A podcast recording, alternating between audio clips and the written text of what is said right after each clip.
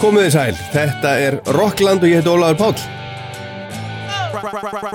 right about now. Þið auðlýsið hitt og annað, hérna hitt og annað sem svo aldrei kemur. Það var bara ekki auðlýst, það var auðlýst kvennasöng.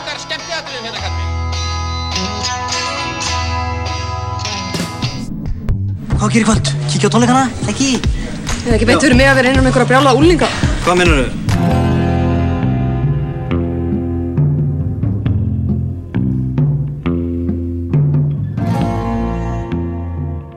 Í Rockland í dag ætlum við að beina kastljósunu og eirónum að nýri jólaplötu frá herra Robbie Williams. Hún heitir The Christmas Gift og er alveg svakalega plata, tvöfalt album, 28 lög með aukalögum. Slatti af gamlum standardum eins og Winter Wonderland og Slade, jólalæginu, Merry, Xmas, Everyone, Everybody, en mest megnis eru þetta ný, frum samin jólalög eftir Robbie og hans meðriðasveina sem eru ansi margir. Heyrum nokkur lög af þessari plötu hérna eftir en hún fór í annað sæti breska vinsættalistans í síðustu viku þegar hún kom út þegar Coldplay var á toppnum en núna er hún komin á toppin 13. plata Robbie Williams sem hann er því sem er einstakur árangur, segi ykkur betur frá því og eftir. Svo er það flaugjelsbarkin hann Richard Hawley frá Sheffield. Við kynnumst honum og heyrum við að viðtal en hann sendi frá sér eina af plötum ásins að mínumandi, hún kom út í sömar og heitir Further heyrum eitthvað af henni og eitt og annað annað. Byrjum á jólalæginu sem heitir Ég fæ jólagjöf þegar hún Katla Marja syngur það en heitir uppáflega Feliz Navidad kom fyrst út 1970 með höfundurum Jose Feliciano sem er frá Puerto Rico en Feliz Navidad þýðir gleðileg jól eða, eða svona því sem næst Ég með splungun í útgáfa af þessu lægi með surfrock bandi frá Portland í Oregon sem heitir Satan's Pilgrims. Þeir voru að gefa þetta út á tveggja laga hvítum vínil. Greensleeves er á, er á bakliðinni og þið getur sungið með ef þið viljið og þið ráðið á hvaða tungumáli þið gerir það, hugsið ykkur. Satan's Pilgrims.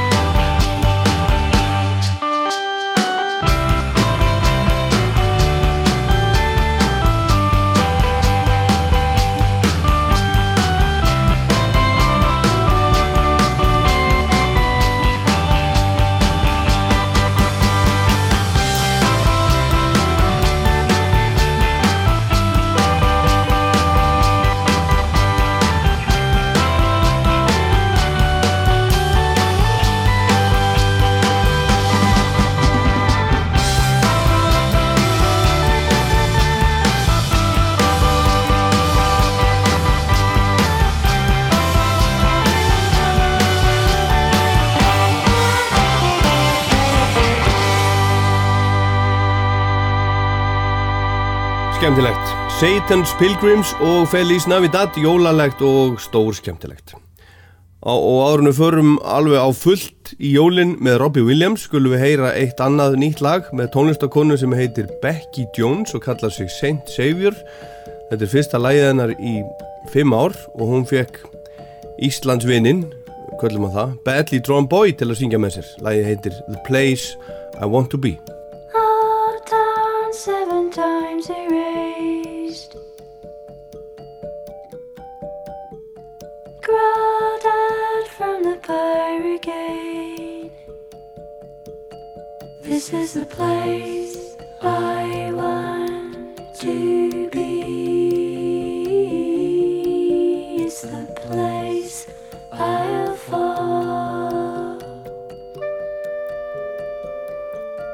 still climbs spin a thread for me.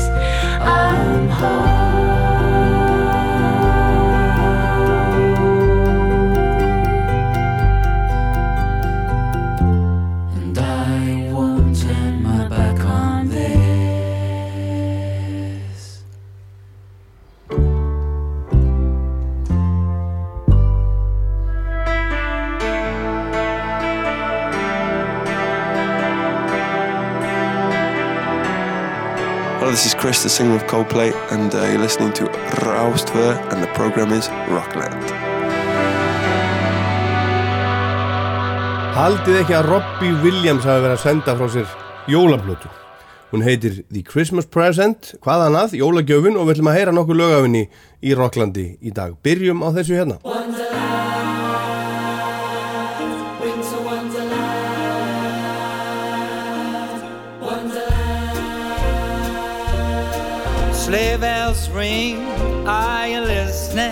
In the lane, snow is glistening. A beautiful sight, we're happy tonight. Walking in a winter wonderland.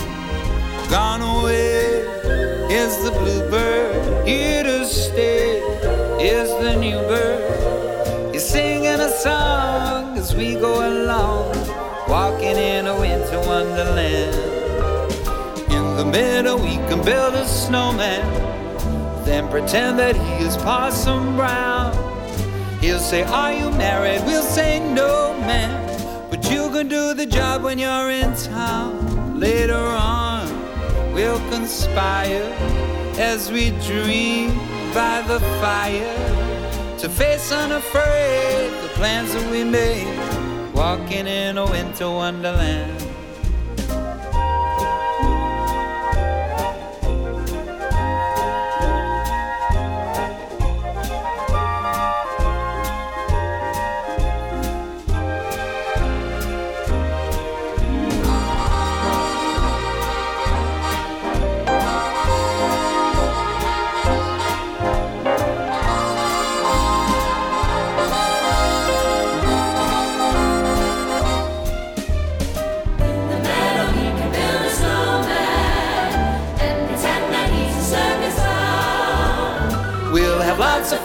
Mr. Snowman until the other kid is knocking down when it snows. Ain't it thrilling? Though your nose gets a chillin', we'll frolic and play the Eskimo way, walking in a winter wonderland. Wonderland. Wonderland. Þetta er einn af standardunum sem er að finna á nýju jólaplötunans Robbie Williams, Christmas Present. Þetta er 13. plata Robbie Williams og svo fyrsta sem hann sendi frá sér síðan The Heavy Entertainment Show kom út fyrir þreymar árum, 2016.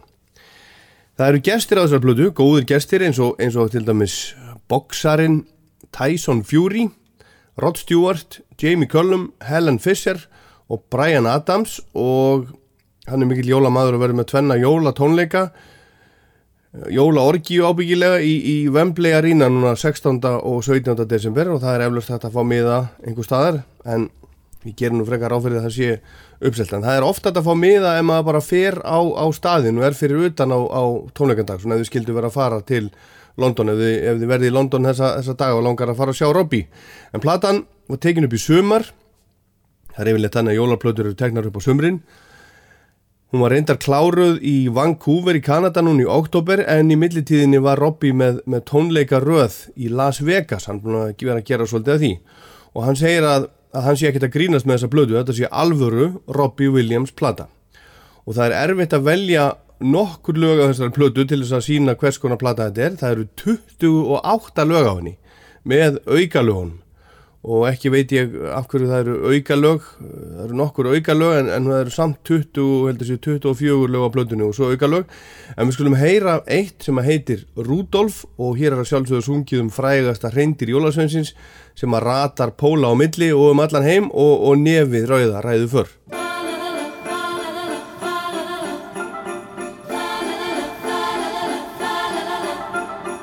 I box him up with a bow, then I go pole to pole. Rudolph, follow your nose. To Japan, Isle of Man, down to Canada, Kazakhstan. Rudy knows where to go. Rudy knows where to go. Through the sky and the snow. Man, it's 40 below. Watch me as I go.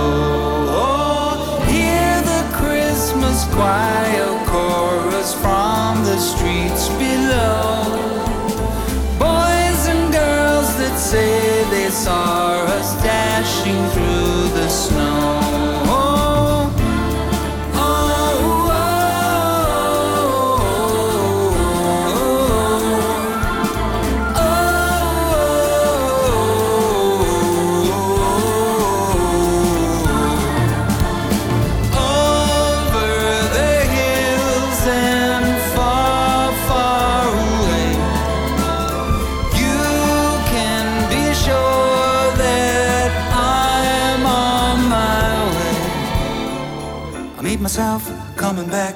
I'm going faster than fast. I go back to the past.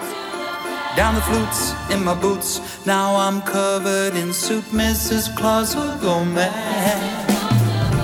Mrs. Claus will go mad. I'll be dealing with that. But it's all in the plan. And she knows I'm the man.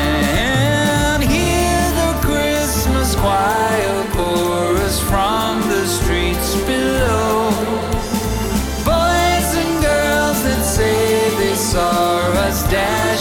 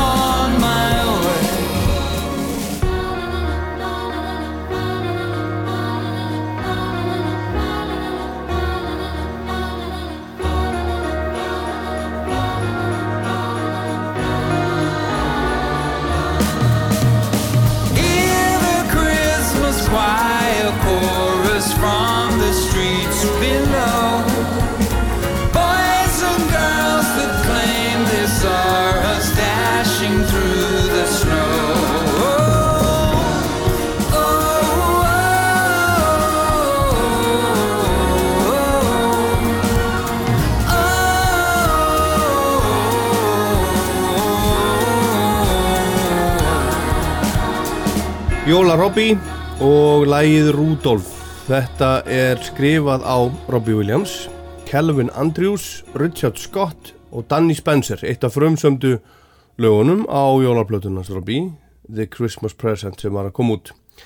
Umslægið er, er skemmtilegt, það er svona eh, grænleitt og það sýnir, sýnir teiknaða mynd á Robbie, það er eins og hann sé stattur í, í miðri jólasögu Dickens, hann er í, í vetrafrakka og hann er með pípuhatt, árið er svona 1800 og eitthvað kannski, ég veit ekki, 1850, 60 það er snjór á gödunum og hann er ábyggilega í London. Það eru jólaskreitingar í glöggum og hann heldur á jólarplötunu sinni. Hvað annað? Það hefði verið skrítið ef Robbie hefði gert þetta einhvern veginn öðruvísi.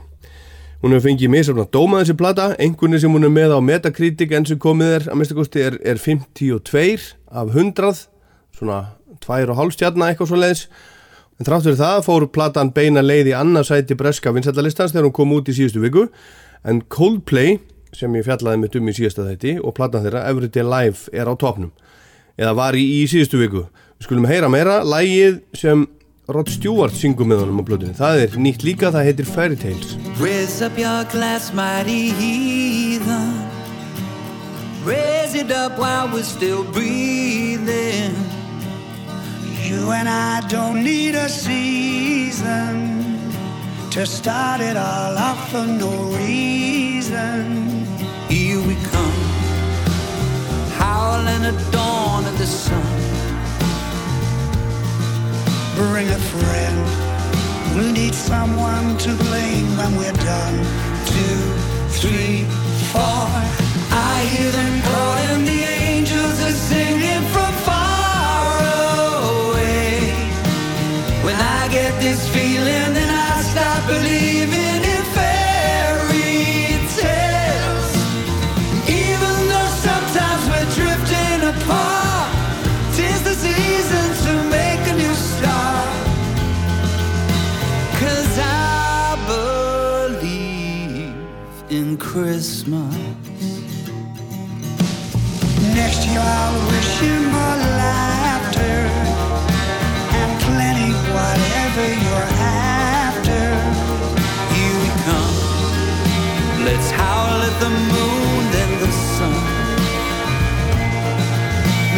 alone. We'll need someone to blame when we're done.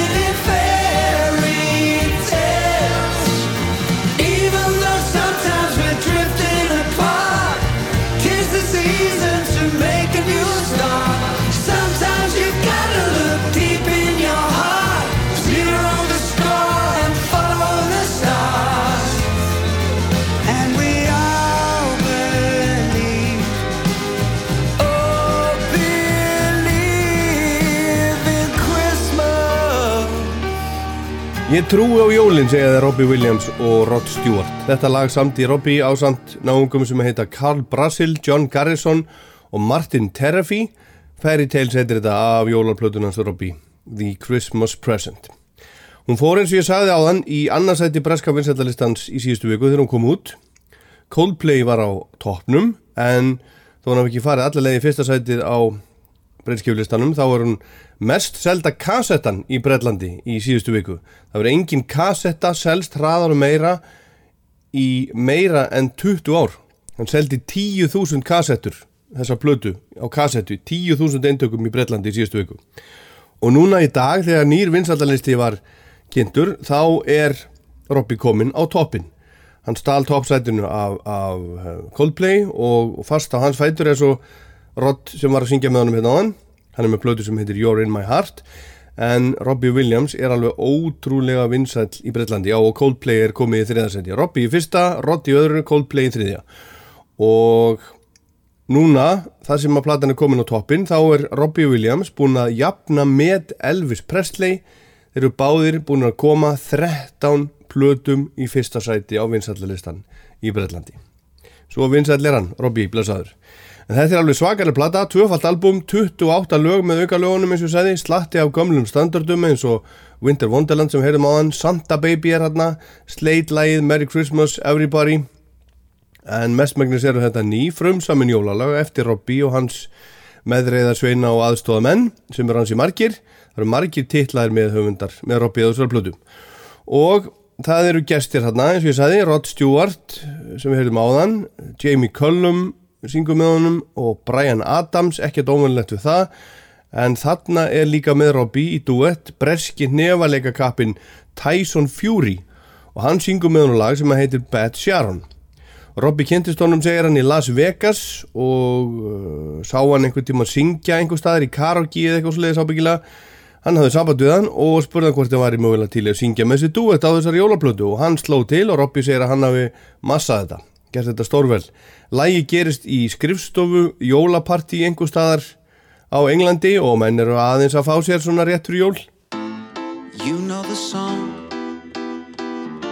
Forget everything that went wrong and all sing along. It's the time of the year where we all get along. Cause as long as there's beer, festive cheer, the money disappears. So come on, you sad sacks. You're not gonna win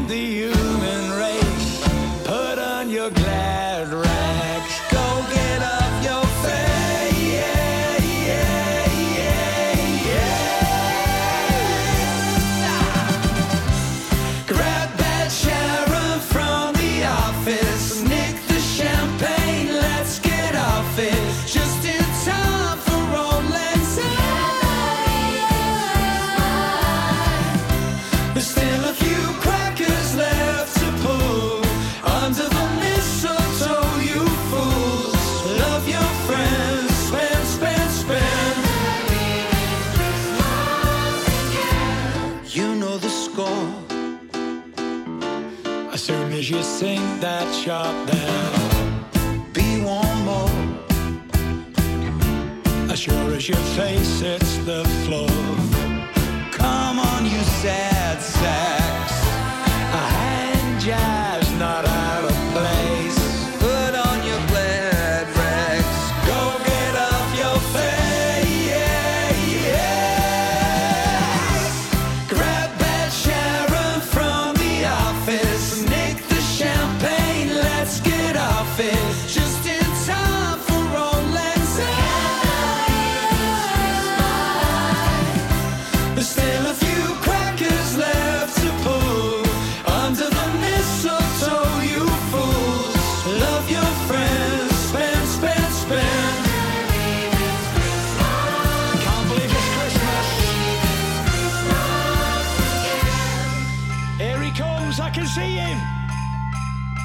bed, you sleepy dossers.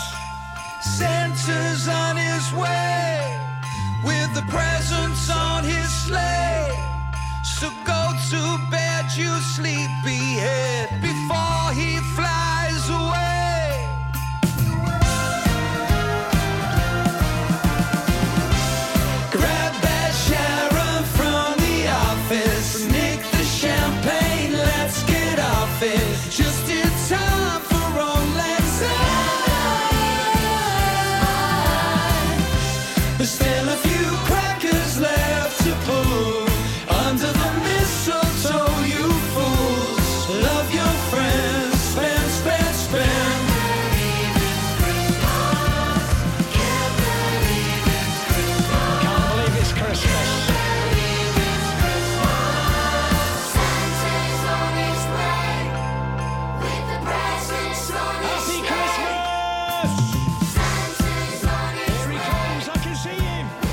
Jólasveitin er að koma á sliðanum sínum með allar jólagjafinnar, jóladnir koma ekki úr Esjunni og Agrafjalli í Englandi eins og okkur heldur bara á sleða einhver staðar úr skíunum. Og Robbie Williams er í skíunum með þessa plötu sína og sagði í frettatilkynningu Ég er ótrúlega spenntur yfir þessari fyrstu jólaplötu minni. Ég hef gert margt í gegnum tíðina en að gera þessa plötu er draumur orðin að veruleika. Það búið að vera mjög gaman að gera þessa plötu og ég get ekki beðið eftir því þið fáið öll að heyra hana. Hann var búinn að hóta því að láta hann að heita Actung Buble. Einn besta plata U2 heitir Actung Baby eins og margir vita. Hann er að vísa, vísa í það nafnu þetta. En Michael Bublé er búinn að eiga jólamarkaðin í Breitlandi árum saman og Robbie eh, sagði að hann dýrkaði Bublé en þetta gengi samt ekki stundir lengur nú sé komið að honum átti þess að heita Actung Bublé en heitir það ekki.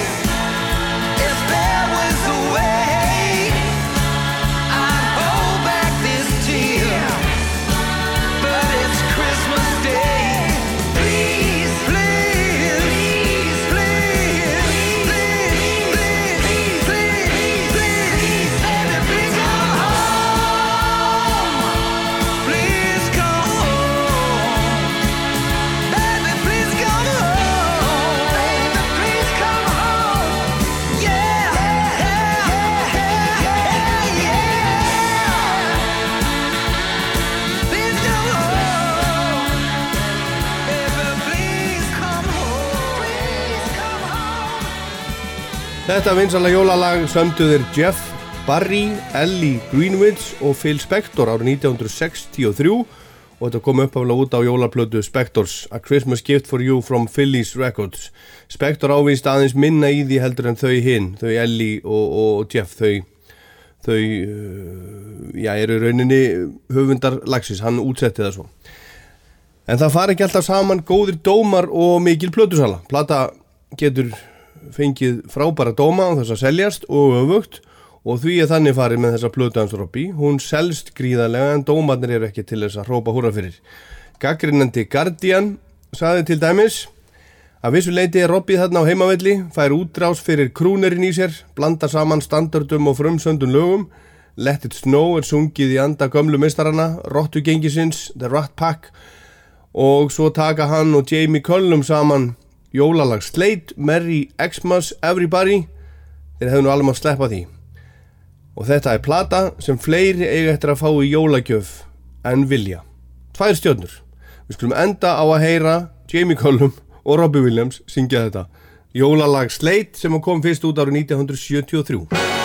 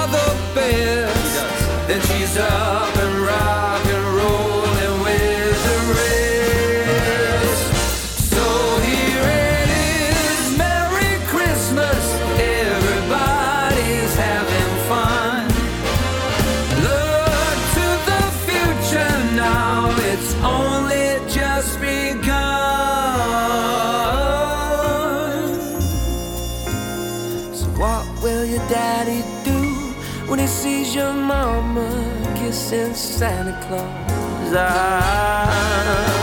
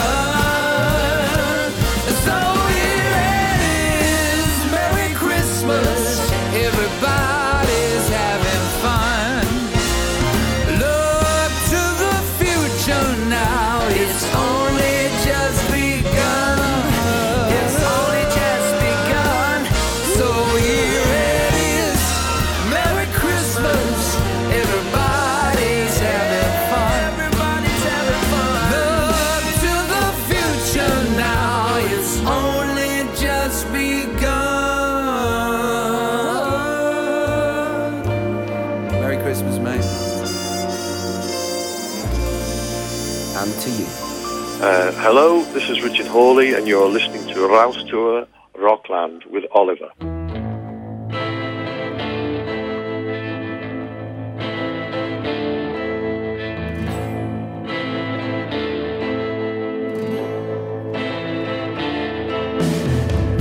You walk into the room with your pencil in your hand.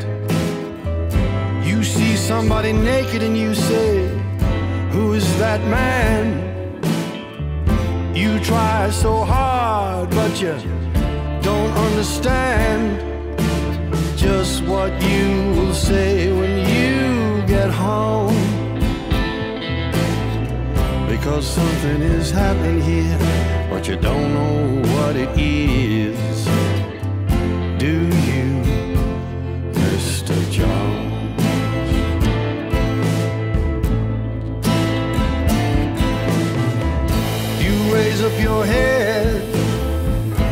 ask, is this where it is? And somebody points to you and says, it's his. And you say, what's mine? And somebody else says, well, what is? And you say, oh my God, am I here all alone? But something is happening, you don't know what it is.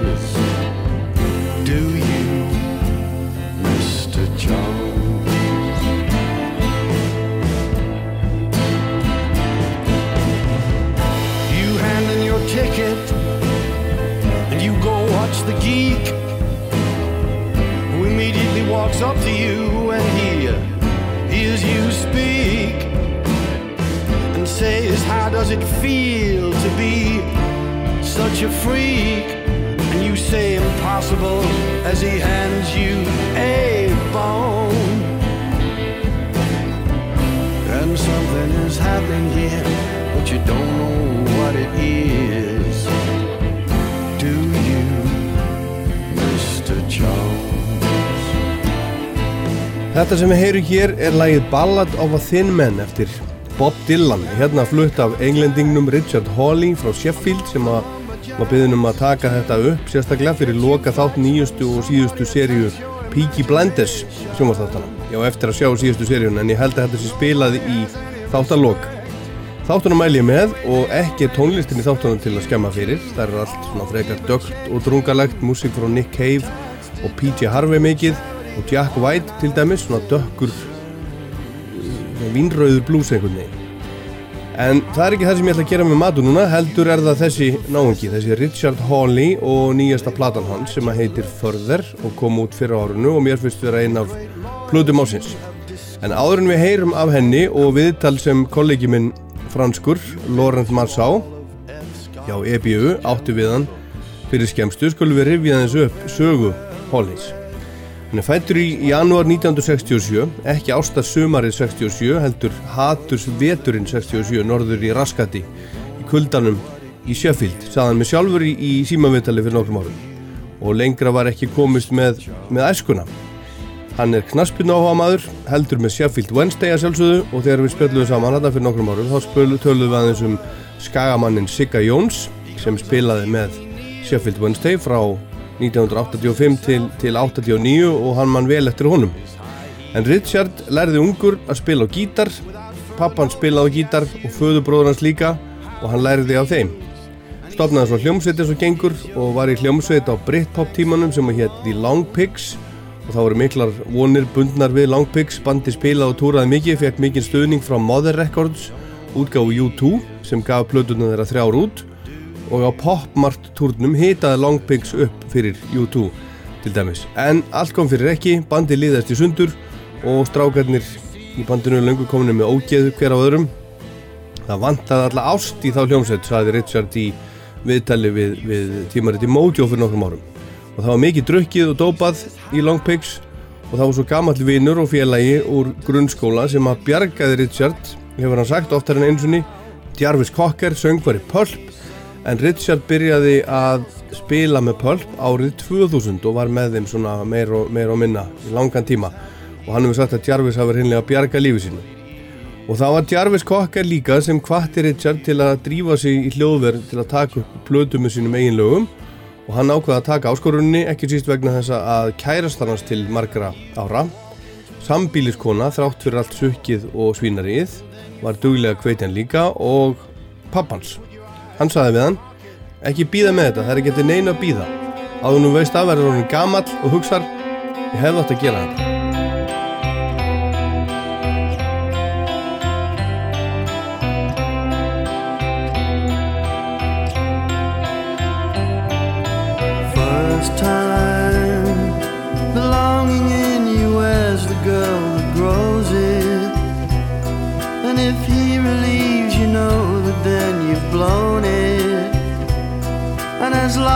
On,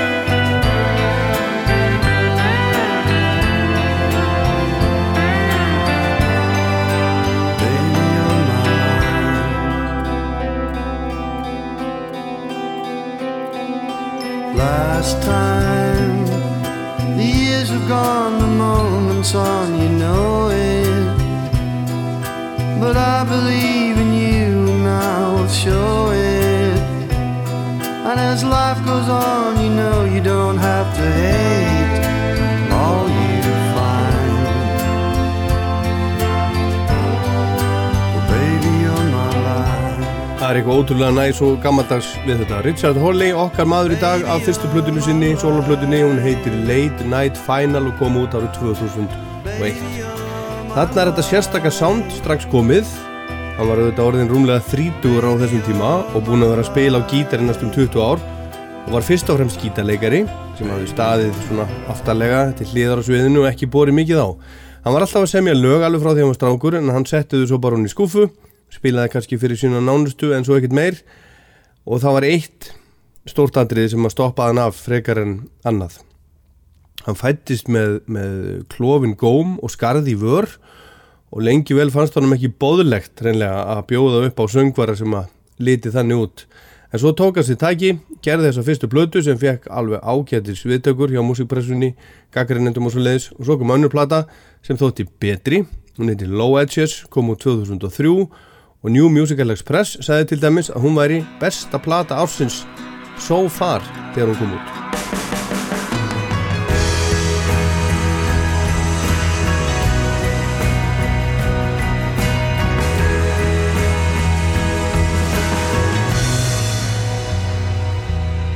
Later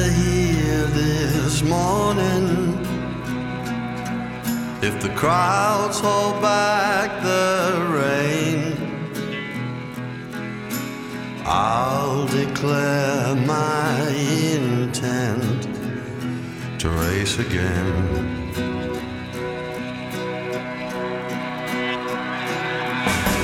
Baby, I've done running. I've cut myself a deal. Gave myself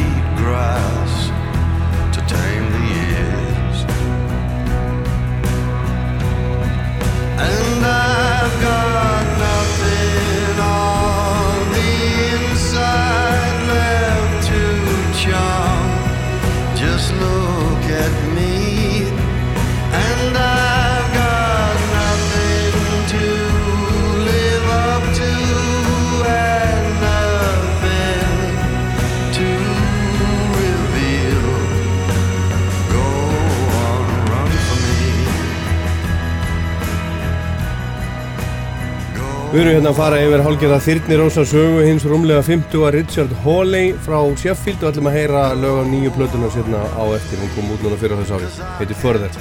En þetta lag er að finna á annari plötunans, Low Edges frá 2003, lagi Run For Me sem opnar plötuna. Og hún var kosinn plata ásins þessi í ársökjari Virgin Radio í Breitlandi og um svipaleiti var haugur af, af alls konar tónlistamönnum um allan heim fannir að tala um hann hér og þar, ofinbeglega droppa nafnin hans segja hvað hann væri góður og, og, og hvað hann væri að gera skemmtilega músík og svona til dæmis Coldplay og Radiohead og Rems og einhvern nöfn séu nefnd. En í millitíðinni frá Low Edges og þar til næsta plata þar á eftir Cole's Corner kom út 2005 lendi Richard í alls konar svona bransa vandraðum varðandi útgáfu fyrirtæki og svona lendi laga, flækjum og leiðindum sem tafði útkomi plötunar en á endanum leit hún samt dagsins ljós og fekk frábæra viðtökur, var tilnæmt til Merkur í velununa bresku á samt plötum með Hot Chip, Tom York, Arctic Monkeys, Editors og Muse til dæmis.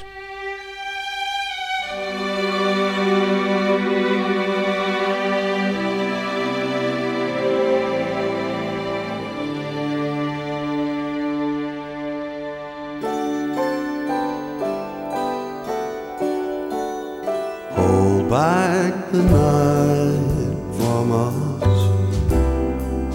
Cherish the light for us.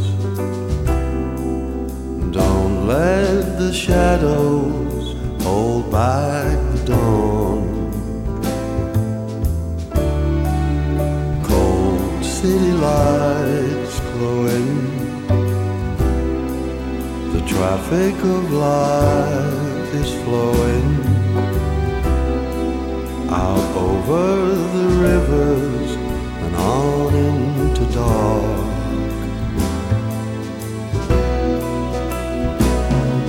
I'm going downtown where there's music. I'm going where voices fill the air. Maybe there's someone waiting for me with a smile and a flower in her hair. I'm going downtown where there's people. Loneliness hangs in the air with no one there real waiting for me.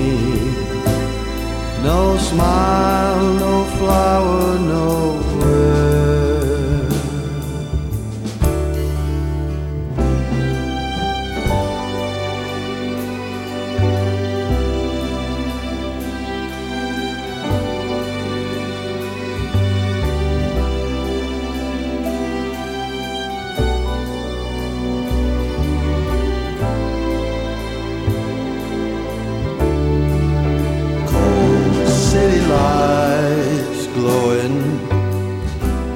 höldum áfram með Richard Hawley, sögun af Richard Hawley hérna í setinluta Rocklands rétt á eftir.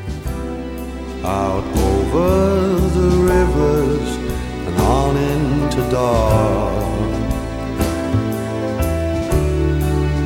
Hold back the night from us.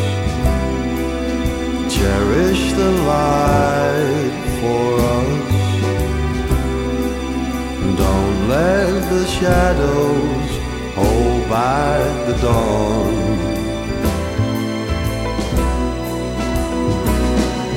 I'm going downtown where there's music.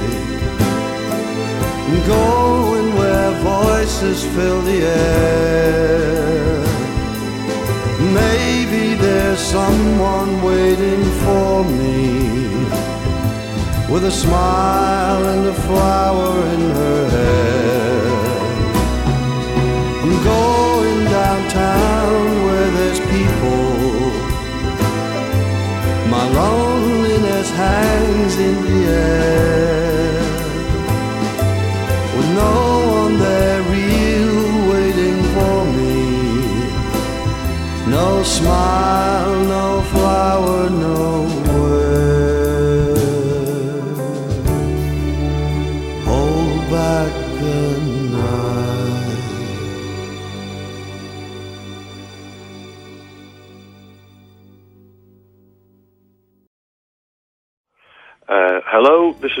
is and you're listening to Rouse Tour Rockland with Oliver. I'm going downtown where there's music.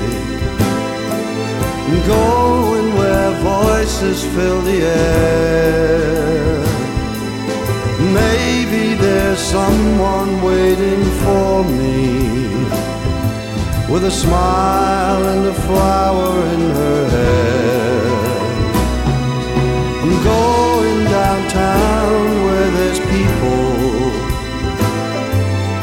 loneliness hangs in the air. With no one there real waiting for me. No smile, no flower, nowhere. Hold back the night. Dásanlegt lag af dásanlegri plötu og maður vill einhvern veginn ekki að þetta, þetta endi. Richard Hawley og Cole's Corner titila þeirra plötu frá árunni 2005 Gítarinn hefur alltaf verið í aðalauturki hjá Richard. Hann var fyrst og fremst þekktur sem gítarleikari heim í Sheffield áður en að fóra að gera þessar soloplötu sínar. Og hann kemur á mikill ætt gítarleikara, pappans var gítarleikari eins og framöfu komið. Og föðubróður hans og meður sér afans og þeir spiluðu allir hátt segir hann, þeir spiluðu rock og blues en svo fór hann að gera þessar plötur og með það á bakvið eirað hvað gítarleikar gera oft lélegar plötur þá vildi hann setja fókusin á lagasmiðin og söngvaran en hann hafði verið að semja lög alveg frá því hann byrjaði að, að, að spila. Kottnungur, hann var 6 ára gammal þegar hann byrjaði að spila á gítar og ég veit ekki nákvæmlega hvað hann var gammal þegar hann byrjaði að semja lög.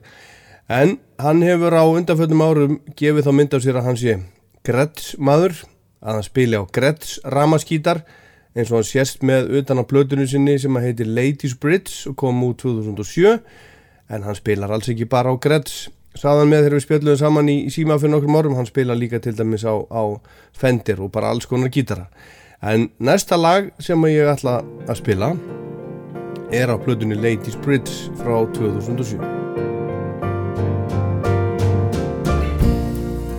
Roll river, keep on rolling. Ancient lady, cold.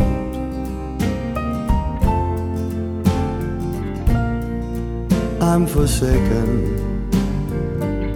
lost and forgotten. Roll river, roll.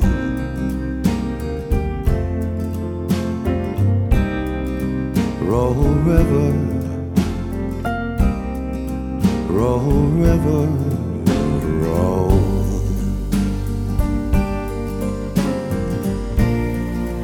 Let it take me, free and unchain me. Ancient lady, cold.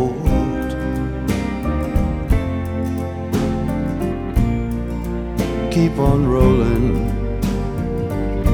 roll on forever. Oh, please sail me home.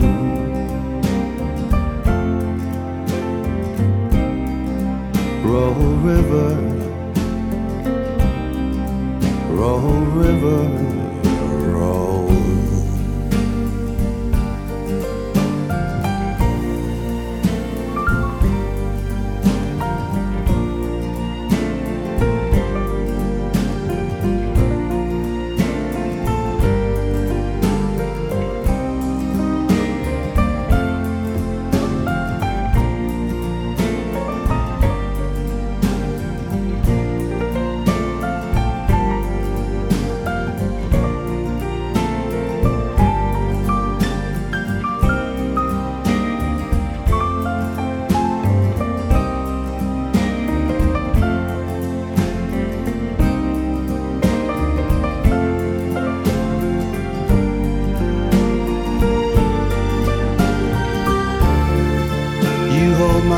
body, lost and forsaken in your deep waters cold. Oh, sacred river, take me to my sweetheart, my lonely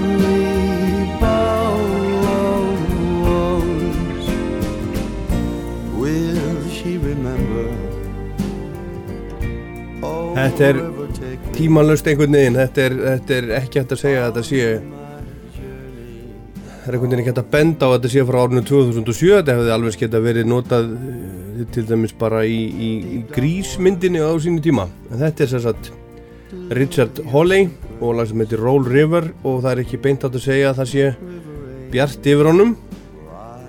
Richard, þarna, þarna byður hann ána stóra og kalda um að, um að taka sig og frelsa sig. En það er samt eitthvað, eitthvað svona fallegt og, og róandi við þetta. En einhver svona þoka þoka yfir honum. Og ég held að hann sé nú svona svolítið ymitt þoku kendur náungi að elsfæri en fyrir utan að gefa út þessar plötur sínar og uh, veruna í Long Pigs á tíund áratögnum og spilir í þið með pölp á sunnum tíma þá hefur Richard Hawley unni með fjölda annara tónlistamanna eins og Natalie Imbruglia var bara, bara gítarleikari, session gítarleikari hann spilaði um tíma með Robbie Williams hann hefur spilað með Frank Black Nelly Hooper, Shirley Bassey Hank Marvin, Paul Weller Nancy Sinatra og fleirum, já, og, og Sheffield strákonum í, í Arctic Monkeys. Hann hefur komið fram sem gestur með þeim og þeir eru miklu vinnir hans. Og hann hefur líka sungið þinn á blötu með Manic Street Preachers. Verið gestur þar og, og þeir eru ágættis vinni líka hann og John okkar Grant. Og oft hefur hann í gegnum árin hugsað sér að segja skili við músikbransan, hætta þessu bara leggja gítarinn á hillun og fara að gera eitthvað eitthvað allt, allt annað. Einbytta sér að einhverju alvöru, einhverju sem skiptir máli, en sem betur fyrr hefur hann ekki gert það. Kollegi minn í Sviss sem að starfar hjá EBU, hann spjallaði við, við Holly um nýju blötunum sína núna fyrir, fyrir skemstu, um áttundu blötuna sem heitir Further og enn og aftur var hann núna bara fyrir nokkrum árum að hugsa um að, um að hætta þessu bara fá sér vinnu Well, I kind of thought about sort of stopping for a while, and um, I, I- I guess I, I, I had the magnificent achievement of reaching 50 years old, and uh, I thought "Mm, maybe I should start branching out into other things, and then I considered plumbing, and possibly you know being a road digger or something like that, or maybe even a grave digger. I don't know, and they didn't quite suit me. So I, I sort of branched out into doing soundtracks and theatre work and other things, and I didn't really think about writing songs for an album. I mean, I always write songs, but in in terms of writing songs for a record, and uh, I did. I disappeared down a rabbit hole like Alice did, you know, into other worlds, like just spending time you know, writing film soundtracks and stuff, and then, and, and I, I didn't really think about uh, writing a record at all. But when I sort of started thinking about it again, and I ended up in a, a room with all my mates playing guitars, thrashing about, it felt like we were kids again. Well, or not kids, but like en- just enthusiastic about it. It didn't feel tired. Um, it felt really fresh, and we did everything pretty much live. Já, Richard var að hugsa um enn og aftur að hætta í bransanum. Eða minnstakosti taka sér góða kvíld hann var 50 fyrir tveimur orm og var að hugsa um að kvíla sig músikinni leggja jafnvel fyrir sig pípulagnir eða, eða skurðagröft. En ekkert af því sem hann hugsaði sér henda honum og ég veit ekki hversu mikil alvara honum er með þessu. En þetta var það minnstakosti til þess að hann ákvaða að breyta aðeins um stefnu og fara að gefa þessu út fyrir að gera músik fyrir kvikmyndir og, og leikús líka til dæmis. Hann var svolítið ekki á leiðinu að gera plötu en svo fór hann að hitta hljómsveitinu sína reglulega á æfingum og þá fættist þessi nýja plata og hún var meira að minna tekin upp live. Hér er titilegi.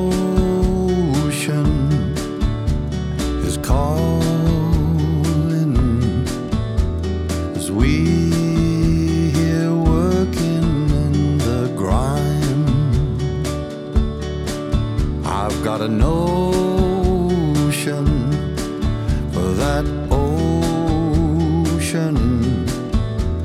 And we getting closer all the time. And we get further down the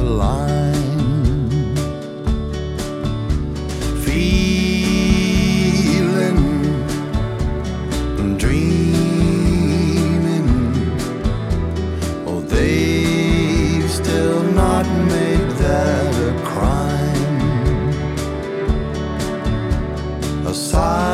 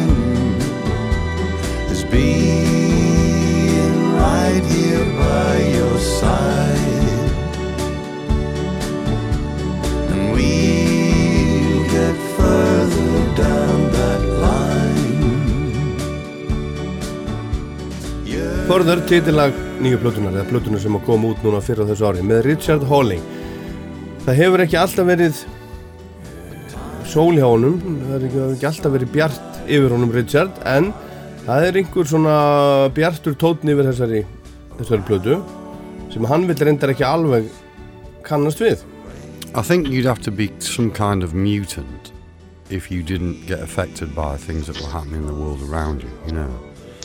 And uh, and when you say the tone of the album is quite positive, which is in t- in terms of tempo, but the subject matter that uh, some of the subject matter in the album is to do with you know familial suicide and uh, loneliness and um, aging, which uh, you could say that they were quite negative, but um, I I- to deal with those kind of issues is that you can end up kind of in a really dark place, wallowing, and I think that the issue that you're referring to is Brexit, is it not?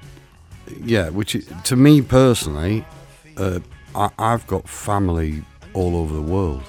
You know, I've got uh, Corsican uh, family, uh, French. Uh, I've got family that live, you know, in Germany, and I don't really consider myself specifically as just English. I, I, I consider myself a person that, you know, tries to. Well, not tries. I, it's just the way it is. Is is um. I've travelled the world, circumnavigated planet Earth thirty times, you know, and I, I am always happy to come home to Sheffield, definitely, because it's where my roots are. They're ancient roots, but I, I like to be a person that is open-minded, and uh, it's a difficult question to answer because I don't want to be in any way kind of spiteful or hate hateful because I think they are definitely negative things. And in our country at the moment, there's so much divisive spite that I- I, don't want to be part of it. In a way, there's there's like a, a, like a, a problem and a solution, and I think that if you try and you know, I don't mean to be like kind of all jazz hands, like I don't really understand that, uh, like sort of naively uh, positive about things. Richard segir að svona við fyrstu hlustun þá hljómi plata kannski jákað en þegar Grant sé skoðað þá séu þarna alls konar ekki mjög jákvæðir hlutir í gangi en hann bæti við að, að eins og aðrir þá verði hann fyrir áhrifum frá umhverju sínu og það viti það allir að það sé ekki allt í góðu allstaðar í heiminum og það hefur áhrif. Og Richard er á plötunni að syngja um einmannaleika og sjálfsmorð og það að eldast og ímislega fleira sem er kannski ekkert sérlega upplíkandi og frekar negatíft en hann segist hvorki vilja vera bölsinismadur nýja stinga haustnum í sandin og er þá að tala um, um Brexit til dæmis sem að breytum er öllum ofalega í huga auðvitað um þessa myndir, mjög ofalega hann segist líta á sjálfa sig sem, sem uh, heimsborgara, hann á fjölskyldu út um allan heim, vítt og breytt og hann segist vera opinn fyrir ólíku fólki og hugmyndum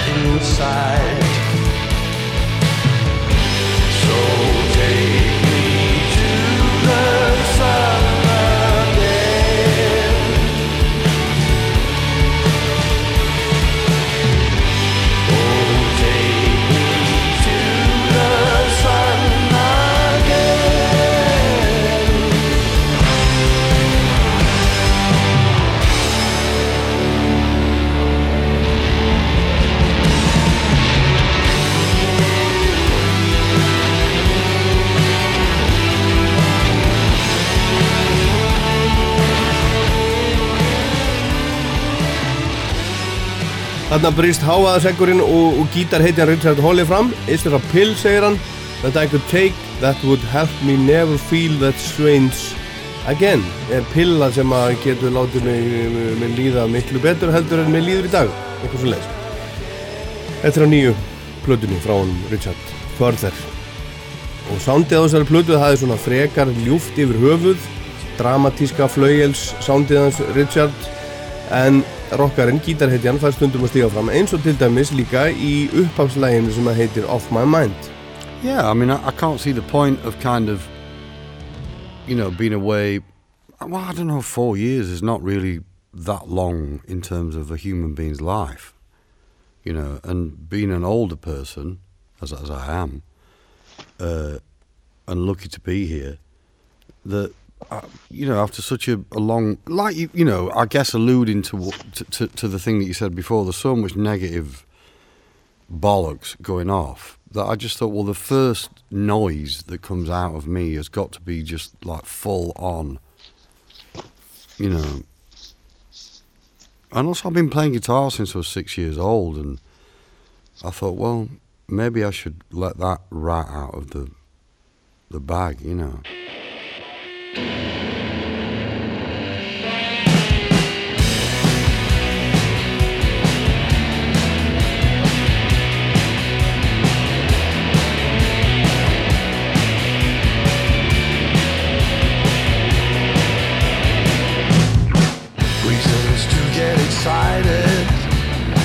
We're here watching the stars explode, and your thunder.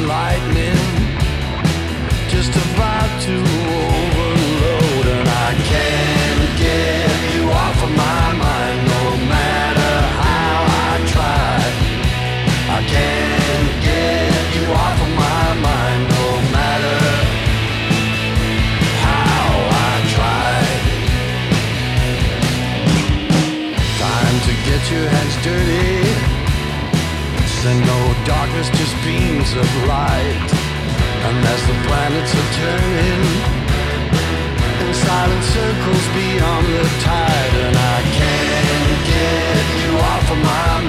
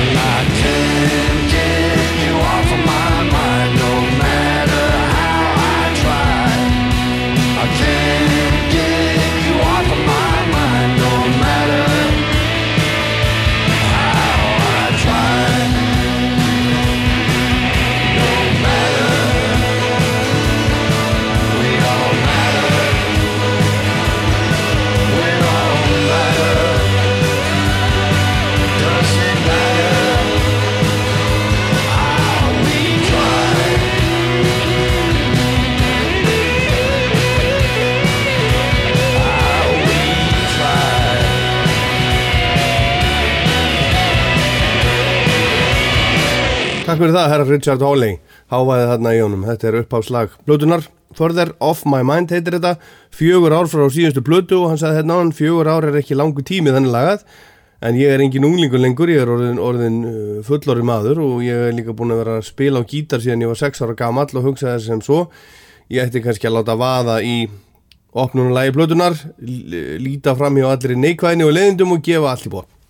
Næsta lag sem við heyrum Það er allt öðruvísi þetta heitir My Little Treasures og það fjallar um vináttuna. My, my, uh, my father passed away 11 years ago, and uh, uh, well, actually, nearly nearly 12 years ago, and and um, my father was a musician as well, and I got a phone call from his old bass player Pete Jackson, and he said he, he was kind of worried about me a little bit, and he just said, you know, should we go for a beer? And there was Pete and his brother Roger, and uh, Pete and Rog and my dad, they all went to school together, and like infant school, you know, in Parsons Cross in Sheffield. And they were really, you know, obviously close friends. And we met up in a, a pub, and I was stood at the bar with Pete. And um, as he was paying for the drinks, he opened his wallet, and inside it was a picture of him and my dad. And it was a a, a picture of uh, him and uh, my father sat on their, I think it was his uncle John's um, motorbike and sidecar from Pit, uh, from Parsons Cross, and the wallet was really, really, really old, and the picture was it, it was in between the the wallet, if you understand me, and there was a crease in between it where it had been folded for so many years, and uh, I said to him, "What is that?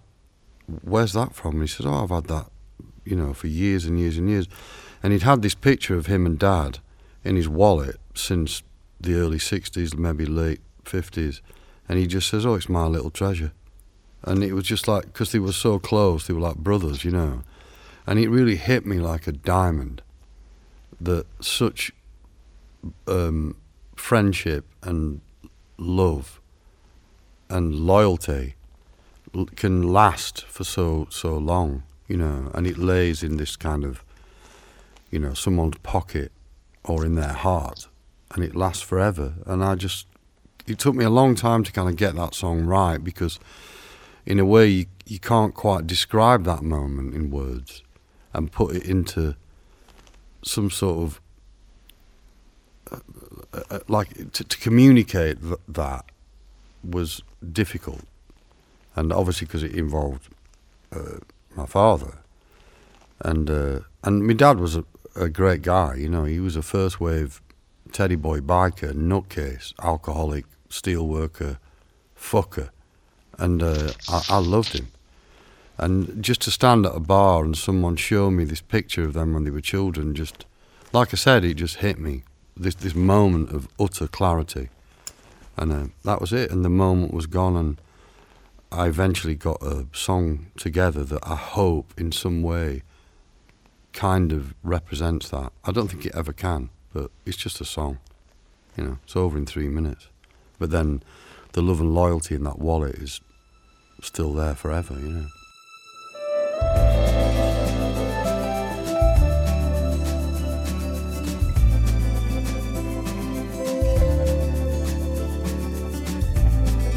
My little treasures I keep close to me. They give me so much pleasure and some company. Cold beer in warm places, heartbreak and old faces with my little treasures. You're more than old bones, and in some smaller measure, I'm never alone. Warm beer in cold places, whiskey glass storm chasers. Look at all these stars, look at all these stars. Never do believe it's Jupiter and Mars. Look at all these stars, look at all these stars. How did we ever get so far from here?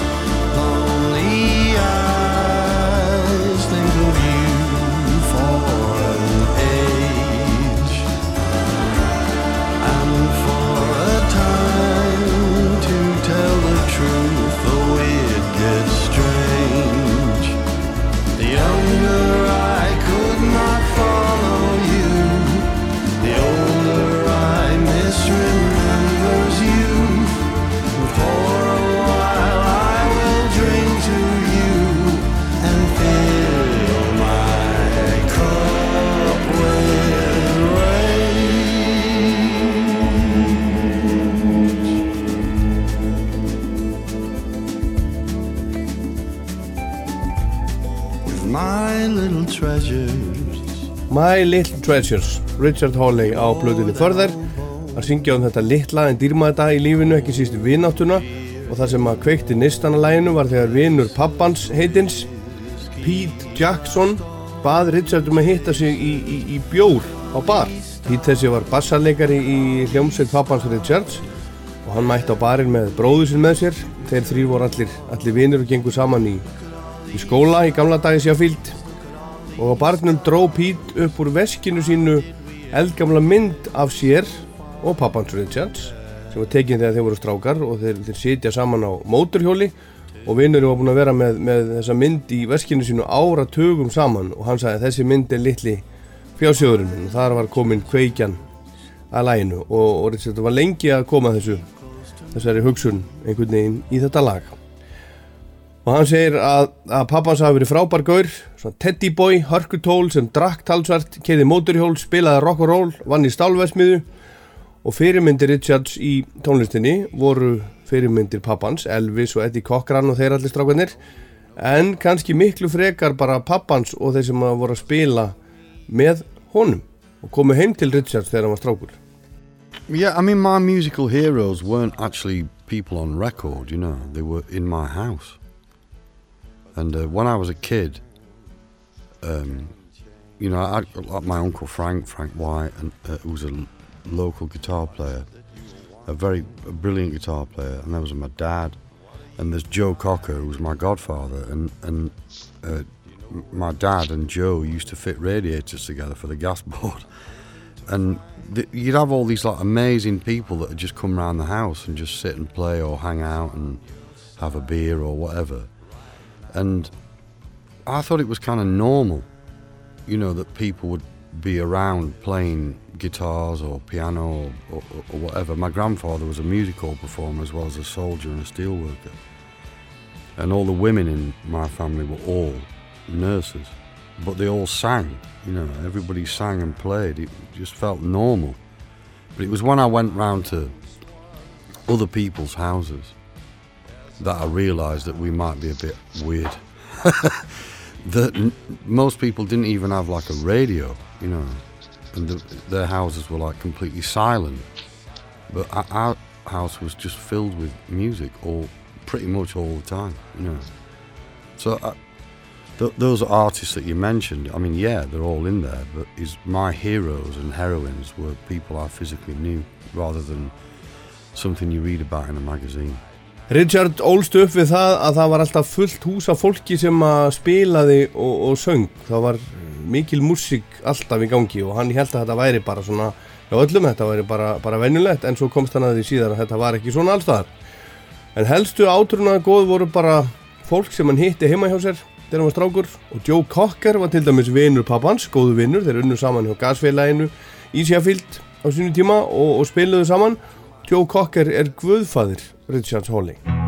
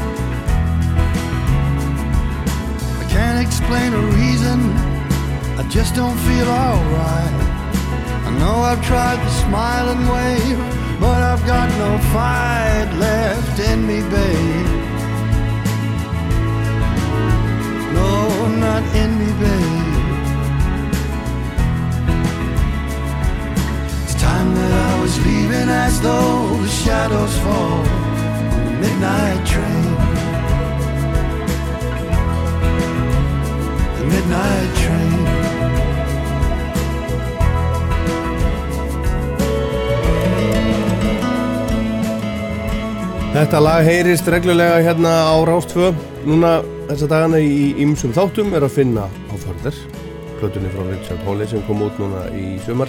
Midnight Train heitir þetta. En hann var hérna áðan að tala um áhrifavalda fólk sem hann þekkti og kom heim til hans til að, til að spila þegar hann var strákur. Það er segja fólk sem hafði áhrif á hann og hans tónlistar uppeldi Það er fólk sem var að spila með pappans. En svo er það líka Sheffield, gamli bærinnars sem að hlýtur að hafa haft áhrif á hann alla tíð og, og uh, til margum það þá heita allar plötunar hans nema þessi nýjasta eftir stöðum í Sheffield Every single interview that I've ever done, ever, they always ask that same question. And uh, I, I can kind of, you know, take a stab in the dark or hazard a, an answer, but there's no definitive um, a- like answer that I could put it in a box and wrap it up in a bow and give it you because uh, I was born here and and um, I, I the, you know guitar is like my shovel. Do you understand? Like my my spade, my axe, my uh, saw, whatever it is, and it, the the guitar has taken me around the world, and uh, you know I'm not a tourist. I, I, I don't. I hate tourism. I think it's bullshit, and and um, but the, you know the guitar's taken me around the world, and I'm always glad that when you go round the world, that at the end of that journey is Sheffield. That's all I can say. You know, really. I, I can't quantify to you how important, how little important. It, it's, uh, it's home. You know, and I, I think it's uh, to use some kind of journalistic speak. It's got its own mojo. You know, and you, you'd have to live here to know. It's the well, while we're still in it, it's it's the greenest city in the EU. People think about it as this kind of, uh, you know, post-industrial shithole, but it isn't. It's beautiful. You know, it's got millions of trees, and it's like a. Uh, that expression's been used a lot, but it, it sums it up like an urban forest, and. Uh, I, I, I just think it's beautiful, you know. Uh, but other people might not. Hann talar ekki neina vitleysu hann Richard og hann talar umbúða löst hann segir að Sheffield sé hans heimavöllur og hún þykir alltaf jafn gott að koma heim til Sheffield þegar hann er búin að vera að ferðast og spila og gítarinn sé búin að, búin að uh, fara með hann verkverðans út um allan heim en honum leiðist ferðamennska. Hann segist ekki vera túristi og hann segir að túrismi sé bara rugl. En hann segir að hann sé alltaf spurður út í Sheffield áhrifin í hverju einasta viðtali sem hann fer í og hann segir að Sheffield sé, sé borgin sín, hún sé grænasta borgin í Európusambandinu, hún sé falleg og það sé sérstök stemning þar sem hann upplifi hverjanast þar Joseph killed his wife. His hungry little children, he took their lives. This was the act of a desperate man, with only love in his eyes and no evil hands. He was standing at the sky's edge. And out there, who knows what he's thinking? He was sliding down the razor's edge and watched his life slowly sinking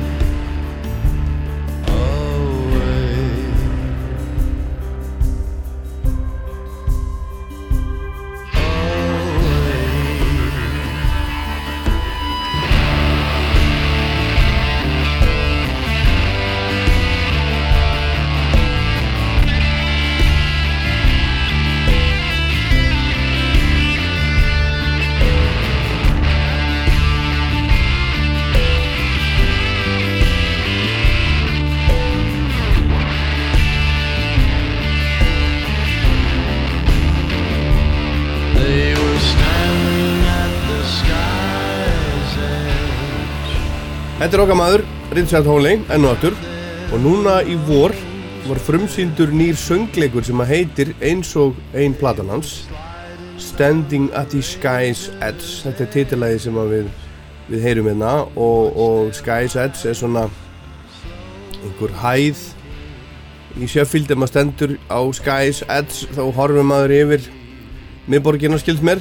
Og þessi söngleikur er byggður í kringum lögin hans Richard Hawley um Sheffield og þetta gerist auðvitað allt saman í Sheffield Um, well, firstly, is that people talk about me personally when they, in association, you know, we're talking about a musical, but it was a collaborative affair, and uh, I I don't want to take credit where I don't deserve it. And um, the, the writer of that was called Chris, Brook, uh, Chris Bush, and she was from Crooks. And then there's Rob Hasty at the Crucible, uh, and I, I just wrote the music. You know, I, I, I, I don't really think I did a lot, to be fair. Uh, they did kind of the hard work, but um, it, it, it was just like um, an idea to talk about post-war Britain up until the modern day, and this kind of uh, like the, the arc of history of, of where from this bright uh, solution they had to the horrific, you know, housing problem after the Second World War, um, which was this wonderful, bright, uh, shining, beautiful uh, solution of, you know, streets in the sky when it started off in 1959, and then it went through, you know, a period of serious decline with drugs and uh, I mean politically when Margaret Thatcher took over in uh, in our country that things really really really went tits up for quite a lot of people my family included that were all steel workers and stuff. And then at the end of that which is the modern day which is I think it's a worldwide thing really is that they kind of um, they buy back what we already owned, repackage it, and sell it back to us as theirs. And um, it was kind of that. Yeah, that was the idea, really. You know. Richard segist alls ekki vilja eigna sér það sem hann ekki á hann heitir Chris Brooks sem að samdi söngleikin ég samdi bara lögin segir hann það voru aðri sem að gerðu allt þetta erfiða og mér skilst að þessi söngleikur segi langa sögu venjulegs fólks í Sheffield allt frá setna stríði til dagsins í dag og lögin hans Richard eru þarna yfir og allt um kring og svo er hann búin að vera, vera að spila svolítið fylgja eftir nýju plötunni og í þættunum koncert núna um daginn getur fundið þann þátt í rúf spilaranum og, og á rúf.is þá heyrðum við tónleika með honum sem að fóru fram í, í London í vor og voru alveg frábærir Well, it, it, it, a, a unique thing happened recently, which is I, I, it was the first time that I played on stage with uh, actual string players. You know, not an orchestra, but it was just a little quartet, and that was really unique. And it was the first time that I'd done that, and I hope there's going to be lots of first times. o- o- On that, that's the thing I'm, I'm actually really looking forward to is is um, lots of new things.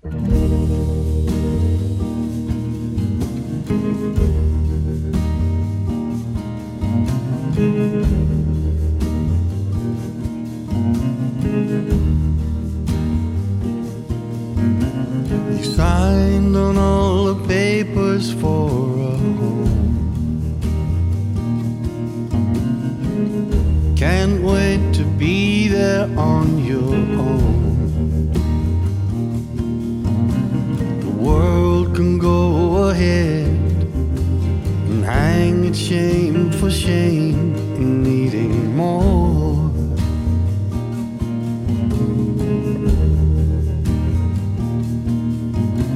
and time is not your own. Well, it is behind those doors.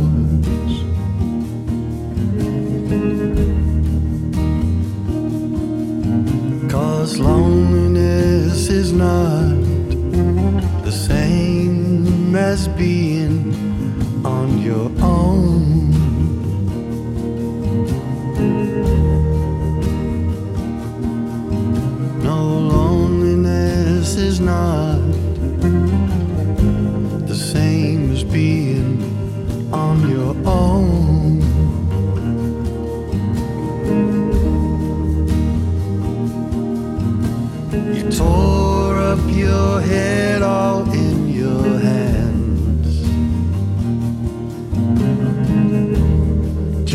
another lie hung on the man. You got so much more than this world can ever know, and that's your truth.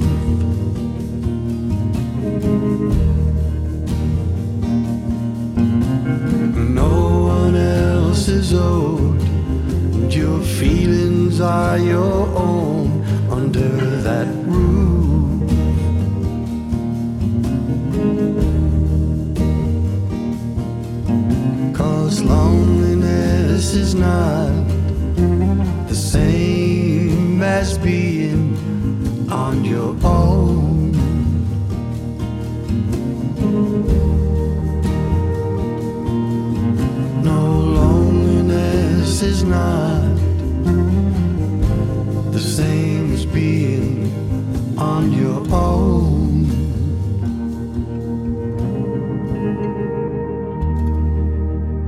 This is uh, Badly Drawn Boy, and you're listening to. I've forgotten what it was called again. Roused, Roused 2. I can't roll my R like that. Roused 2. Is that it? Roused, Roused 2. Fu. Tfu. Is there an F in there? Roused Fu. Is it like that? Roused, Roused Fu. Right. Okay.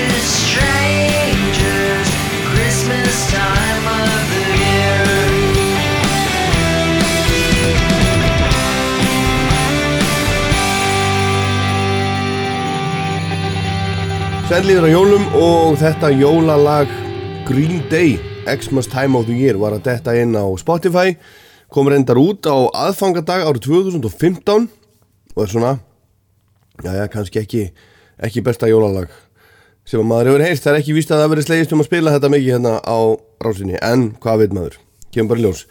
En þá er komið að lokum þessa þáttar. Þetta er dagurinn sem Lennon var skotinn fyrir 39 árum síðan en við endum ekki honum í dag við hefum getið enda líka á Tom Waits hann var 70 í gær, það er ótrúlegt en þeir Guðni Tómasson og Eiríkur Guðmundsson voru með afskaplega skemmtilega þátt honum til heiðurs á Rás 1 á 50 daginn, ég hl- hlustaði á hann í gær. Þið finnið hann í rúf spilarunum og á rúf.is Víðsjá, Tom Waits, mæli með því.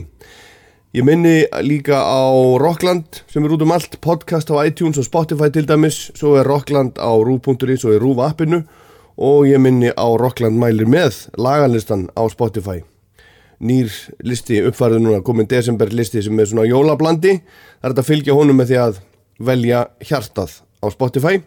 Og svo er líka Spotify jólalagalisti sem að ég setti saman sem heitir Jól í Rocklandi. Það má fylgja honum líka.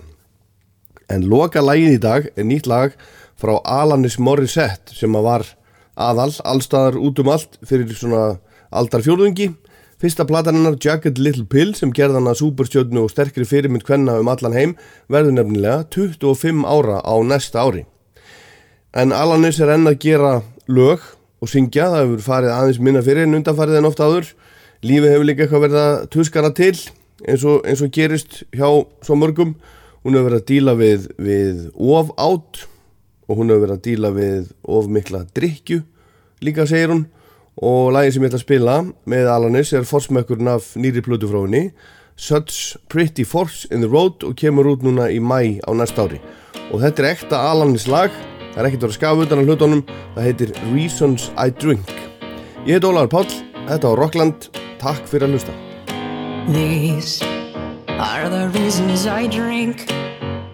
The reasons I tell everybody I'm fine even though I am not. I overdo it.